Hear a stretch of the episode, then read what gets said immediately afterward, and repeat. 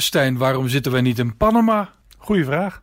Het grootste jongeren-evenement ter wereld. De pauze is daar. En wij zitten hier in de vrieskou. Nou ja, ik dacht laatst, wat ben jij? Hmm, 50.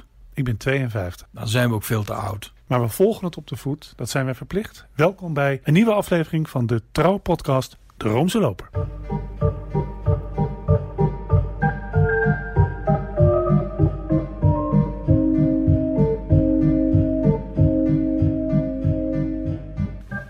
Stijn, waarom zijn die Wereldjongerendagen zo'n fenomeen?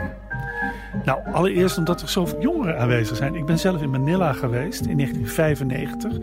Daar waren bij de slotviering 5 miljoen jongeren. Ik weet niet of jij die wel eens bij elkaar hebt gezien.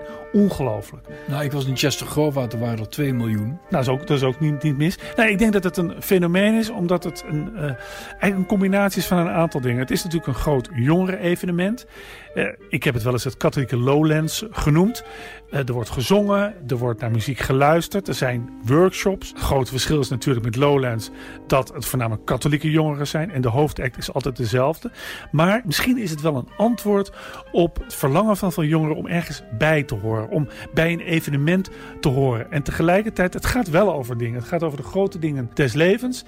En laten we wel zijn, die 135 Nederlandse jongeren in Panama hebben ook een beetje vakantie. Ja, het is allemaal wel, wel heel erg braaf hè, tijdens zo'n Wereldjongerendag. Ik nou, zeg Wereldjongerendag, want wij zijn, de enige, wij zijn het enige land dat spreekt over de Wereldjongerendagen, meervoud. En al die andere landen hebben het over World Youth Day, uh, Weltjugendtag. Dat is eigenlijk heel merkwaardig. Nou ja, jij, noemt het wel zo braaf. Ik kan me herinneren dat in 2000 uh, waren de Wereldjongerendagen in Rome. Het was toen een heilig jaar. Het was een grote, gebied, een grote veld vlakbij Rome.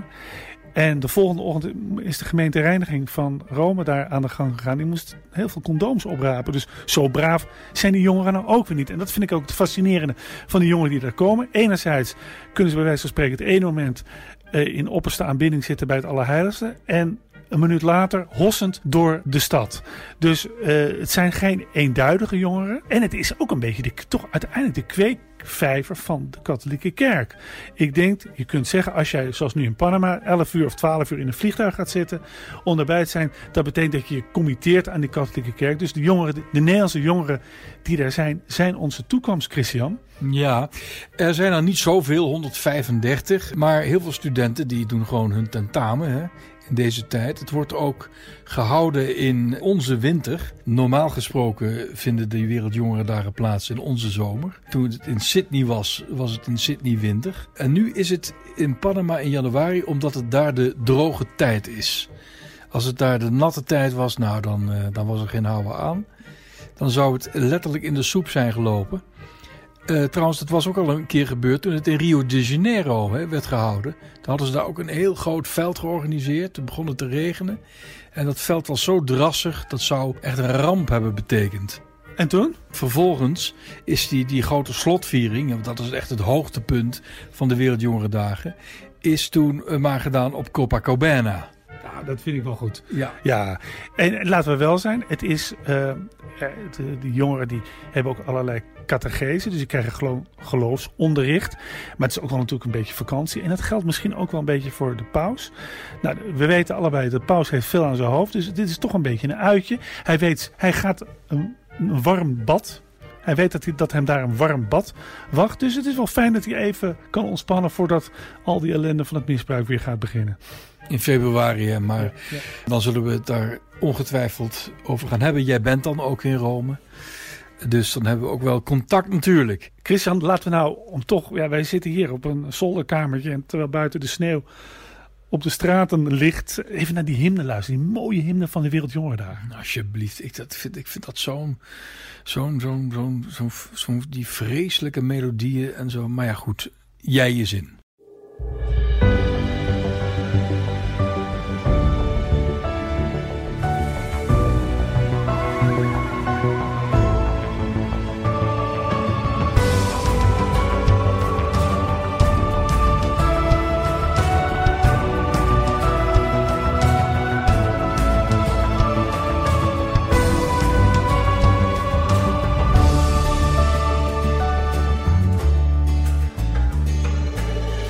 somos peregrinos que venimos hoy aquí, desde continentes y ciudades. Queremos ser misioneros del Señor, llevar su palabra y su mensaje. Ser como María la que un día dijo sí ante la llamada de tu proyecto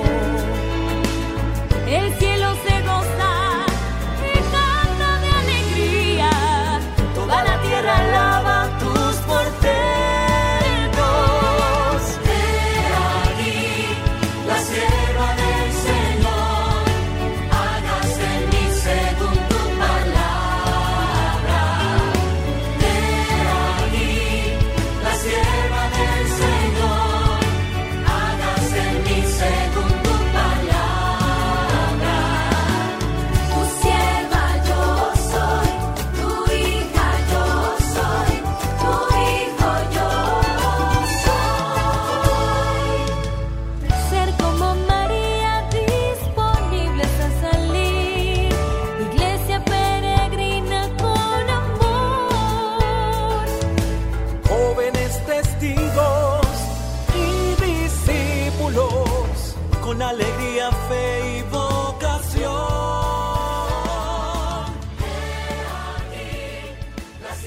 Ja, het thema van deze Wereldjongerendagen is Zie de dienstmaagd des Heren, mij geschieden naar uw woord. Dat komt uit het Lucas-evangelie. Eh, dus die jongeren die worden eigenlijk geïnstrueerd om te zijn zoals Maria, luisterend naar het woord van God en zich dan totaal ter beschikking te stellen van het Rijk Gods. Eigenlijk wat die paus daarmee wil zeggen is... kom van die bank af. Hè, de bankjongeren, die zullen er ook wel zijn in Panama. Kom van eh, je bank af en trek je iets aan van de wereld om je heen. En dat moet ook wel in, Midden-Amerika hebben jongeren eigenlijk heel weinig toekomstperspectief. Veel slachtoffers van mensensmokkel, drugshandel, andere vormen van criminaliteit, eh, slappe economieën. Hoewel eh, Panama, daar gaat het redelijk goed, Costa Rica ook. Maar Guatemala, Nicaragua, dat zijn. Dat, nou, je zult daar maar worden geboren. Dus die enorme karavaan richting de Verenigde Staten. Het is natuurlijk ook niet voor niets. Ik vind het toch wel mooie muziek hoor, van die hymne. Ja, mede nou? Ja, ik hou een beetje van het beetje dat, dat, dat triomfalistische.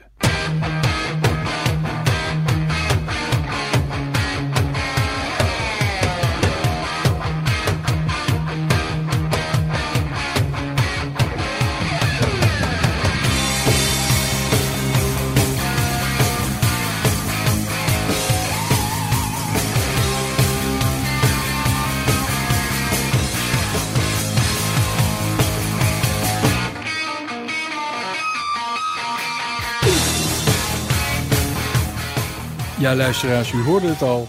Dit was Panama van Van Halen. En we gaan nu naar een heel ander muzikaal genre. De gewijde muziek.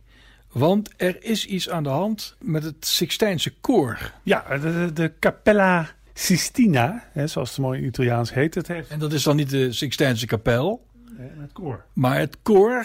En die ook de naam Sixtijns heeft gekregen, omdat het is opgericht door paus Sixtus IV. Volgens mij is dat het oudste koor, nog bestaande koor ter wereld. Het dateert uit 1471. Nou, de paus heeft eh, vorige week, eh, een beetje een technisch eh, verhaal. De paus heeft vorige week dat koor weggehaald bij het pauselijk huis. Die hadden het, het, het, eh, verantwoordelijkheid over dat koor, ook over de financiën. En, en het pauselijk huis was eigenlijk een, de opvolger van de pauselijke hofhouding. Hè? En het eh, overgeheveld naar het eh, kantoor in het Vaticaan dat verantwoordelijk is voor de liturgische viering van de paus. Dat onder leiding staat van de ceremoniarius van de paus eh, Guido Marini. Nou, lekker belangrijk. Waarom, waarom noemen wij dit? Nou ja, het, omdat de, de reden is niet zo fraai en past ook een beetje in eigenlijk dat hele corruptietapijt waar het Vaticaan toch uiteindelijk nog steeds op leeft. Eh, in september vorig jaar kwamen de berichten dat de manager van het koor, Michelangelo Nardella, en eh, de, eh, de dirigent, die luistert naar de schitterende naam Massimo Palombella, die hadden zich schuldig gemaakt aan fraude en verduistering. Wat was het geval? Dat koor treedt ook op. Dat koor maakt cd's. De opbrengsten daarvan hadden ze allemaal laten overmaken naar één Italiaanse bankrekening... waar maar twee mensen bij konden. En dat waren dus Michelangelo eh, Nardella en Massimo Palambella. Dus die waren gezellige dingen, allemaal luxe dingen gaan doen van de opbrengsten van dat koor. Nou ja, dat past natuurlijk heel, dat past, dat is niet netjes, maar past helemaal niet in het, eh, in het eh, Vaticaan van Paus Franciscus. Dus Nee, dat, ik, ik vind dat, een, dat zijn de kleine zonden van het Vaticaan.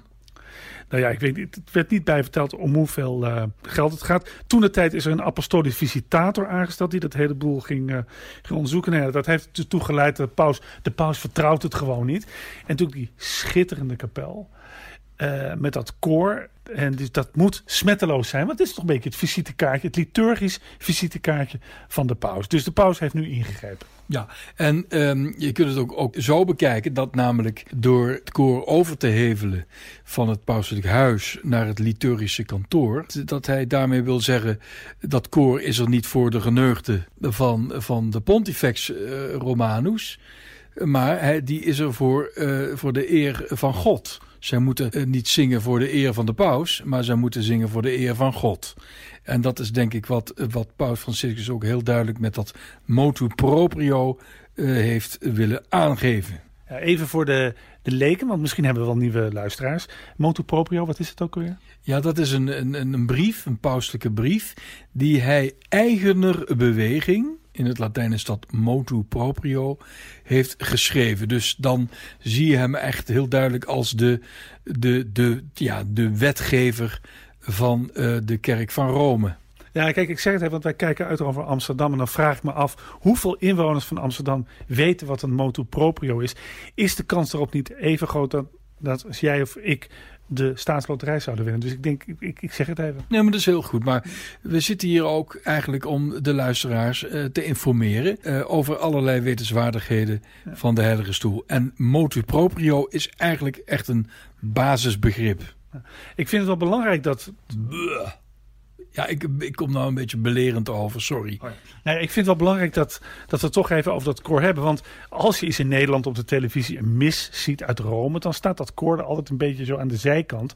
Altijd vreselijk zijn best te doen om, om er wat moois van te maken. Maar, maar ja, ik, heb, ben geen, ik ben geen muzikaal eh, eh, genie. Ik heb daar weinig kennis over. Jij wel. Is het wat? Nou, het, is, ehm, ja, het zou de top of the bill moeten zijn. Maar ik moet je heel eerlijk zeggen... ik ben er geen liefhebber van. Ik houd van koormuziek. Eh, mijn, eh, mijn smaak gaat meer uit naar, die, naar de Anglikaanse traditie. Eh, ja, weet u wat? Laten we een stukje luisteren.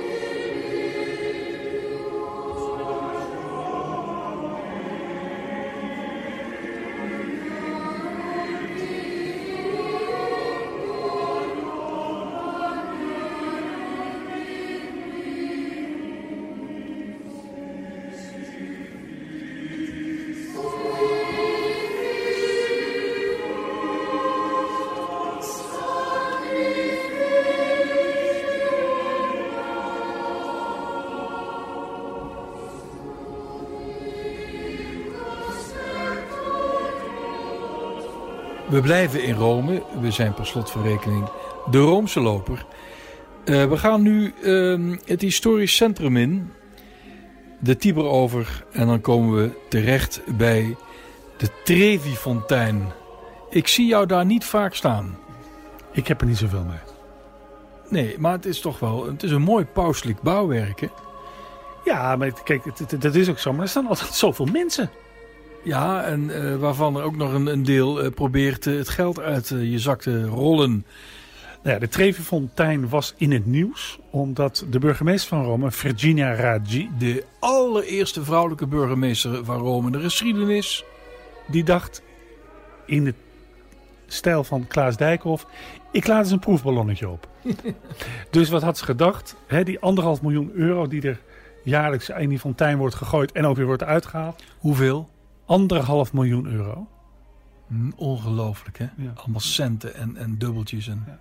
En vaak beginnen mensen al met, met, met munten te gooien zodra ze de hoek om zijn. Ik heb ook wel eens vaak munten op mijn hoofd eh, gekregen. Maar goed, die anderhalf miljoen euro had ze gedacht, die wil ik eigenlijk, die, die gaat al jarenlang naar de Caritas. Dat is, zal maar zeggen, de, hè, de, de, Nou, de liefdadigheid van, van de kerk, Caritas. ja, van, het, van, het, van de kerk in eh, van het bisdom Rome. Nou, eh, die, de, die wilde zij eigenlijk wel hebben. Dus zij heeft gedacht, weet je, ik kan die anderhalf miljoen euro wel goed gebruiken om eh, al die schitterende monumenten en, en fonteinen, en niet alleen de Trevi-fonteinen, maar al die andere fonteinen in stand te houden. En ze dacht, ah, misschien, misschien is de tijd daar wel rijp voor. Nou, nee. Want, Nou ja, het is natuurlijk een enorme eh, storm van protest gekomen. De burgemeester is al niet populair in Rome. Virginia Raggi, dat komt omdat het vuilnis niet wordt opgehaald en de bussen niet rijden. Om even... nou, alsof dat haar schuld is. Nou ja, ze heeft wel gezegd dat ze het allemaal op ging lossen. En eh, het aardige is in Rome, daar zijn vorig jaar, ik geloof, 18 of 20 stadsbussen spontaan ontploft. In iedere, elke, in iedere andere wereldstad denken mensen als een bus in de brand vliegt, het is een terroristische aanslag. In Rome zeggen ze meteen, oh, slecht onderhoud. Dus ze is al niet populair. En er sta- stak een storm van protest op. Natuurlijk ook een beetje gevoed door Roomse kranten en tijdschriften. Zoals er is de uh, L'Avenire, dat is de krant van de Italiaanse bisschoppenconferentie. Dagblad moet ik zeggen. En het Vaticaan was natuurlijk ook not amused. En je kunt veel doen als burgemeester van Rome, maar je moet geen ruzie krijgen met de paus. Dus uiteindelijk al vrij snel haalde Virginia bakzeil en heeft ze tegen de Osvatore Romano, de krant van het Vaticaan, gezegd: Nee hoor, het, was maar het verkeerd begrepen. En het, alles blijft gewoon naar de Caritas gaan. Waarom gooien mensen eigenlijk muntjes in het bekken van de Trevi-fontein?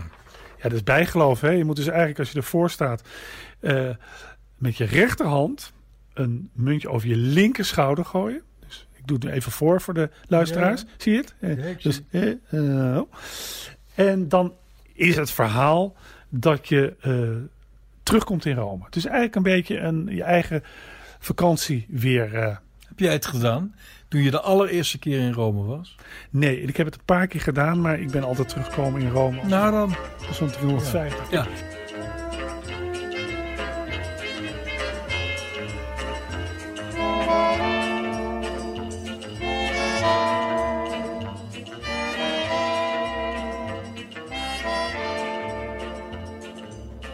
Nou, het aardige is natuurlijk dat muntje past eigenlijk ook heel goed bij Rome. Dat muntje dat je in, de Trevi, in het bekken van de Trevi-fontein moet gooien. Omdat ik ken eigenlijk geen, geen bijgeloviger bevolking van een stad, zeg je dat zo, dan de Romeinen.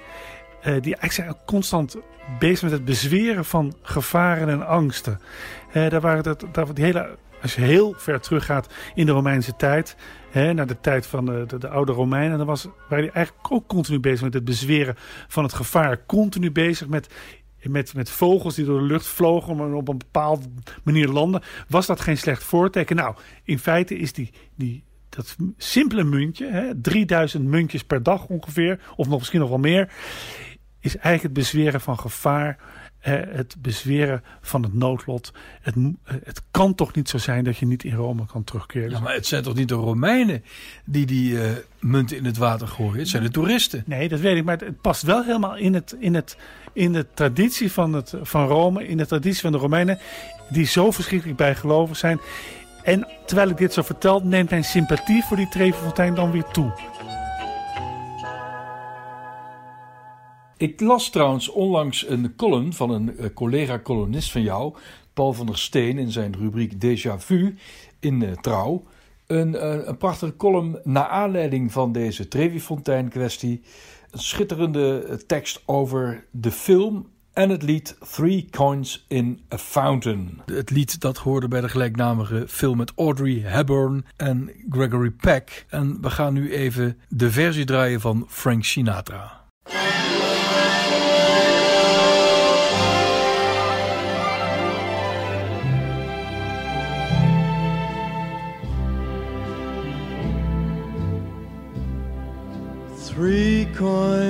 In the fountain, each one seeking happiness, thrown by three hopeful lovers. Which one will the fountain bless? Three hearts in the fountain, each heart longing for its home. There they lie in the fountain, somewhere in the heart of Rome. Which one will the fountain bless? Which one will the fountain bless?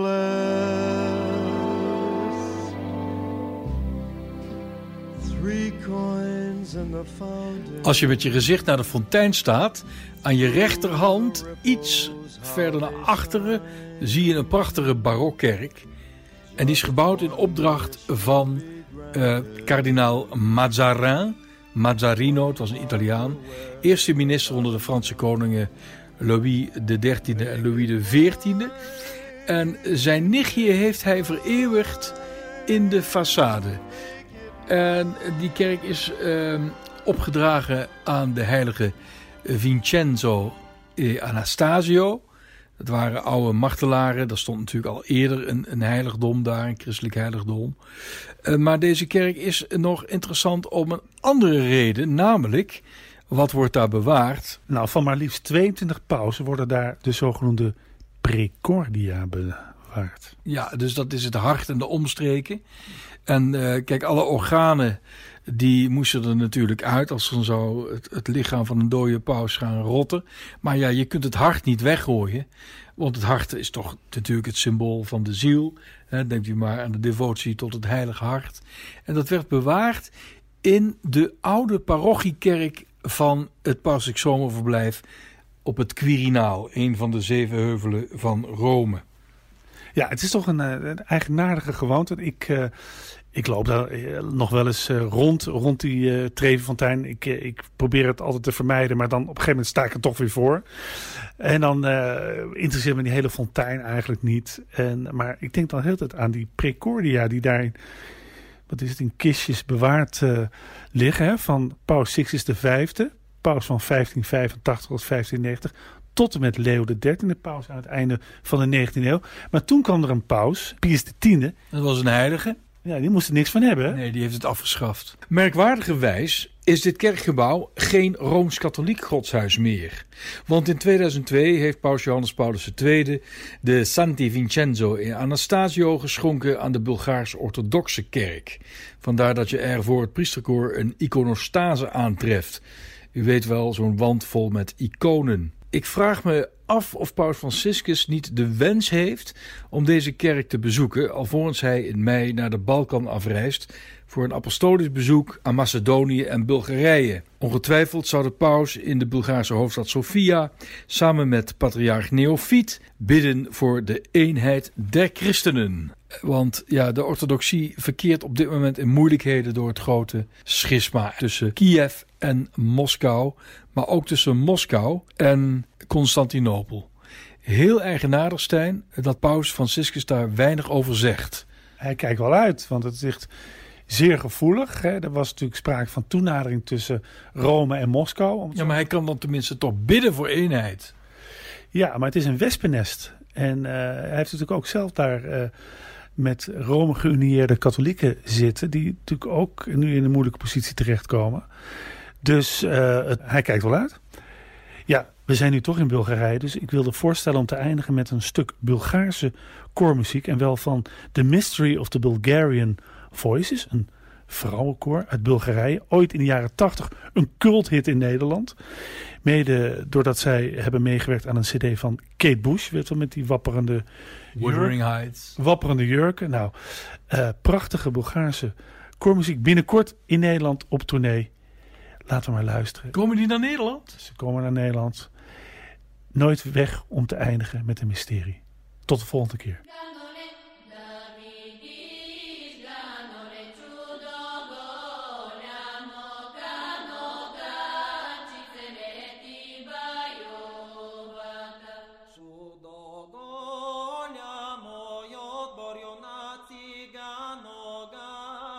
seleti baiovata. Ya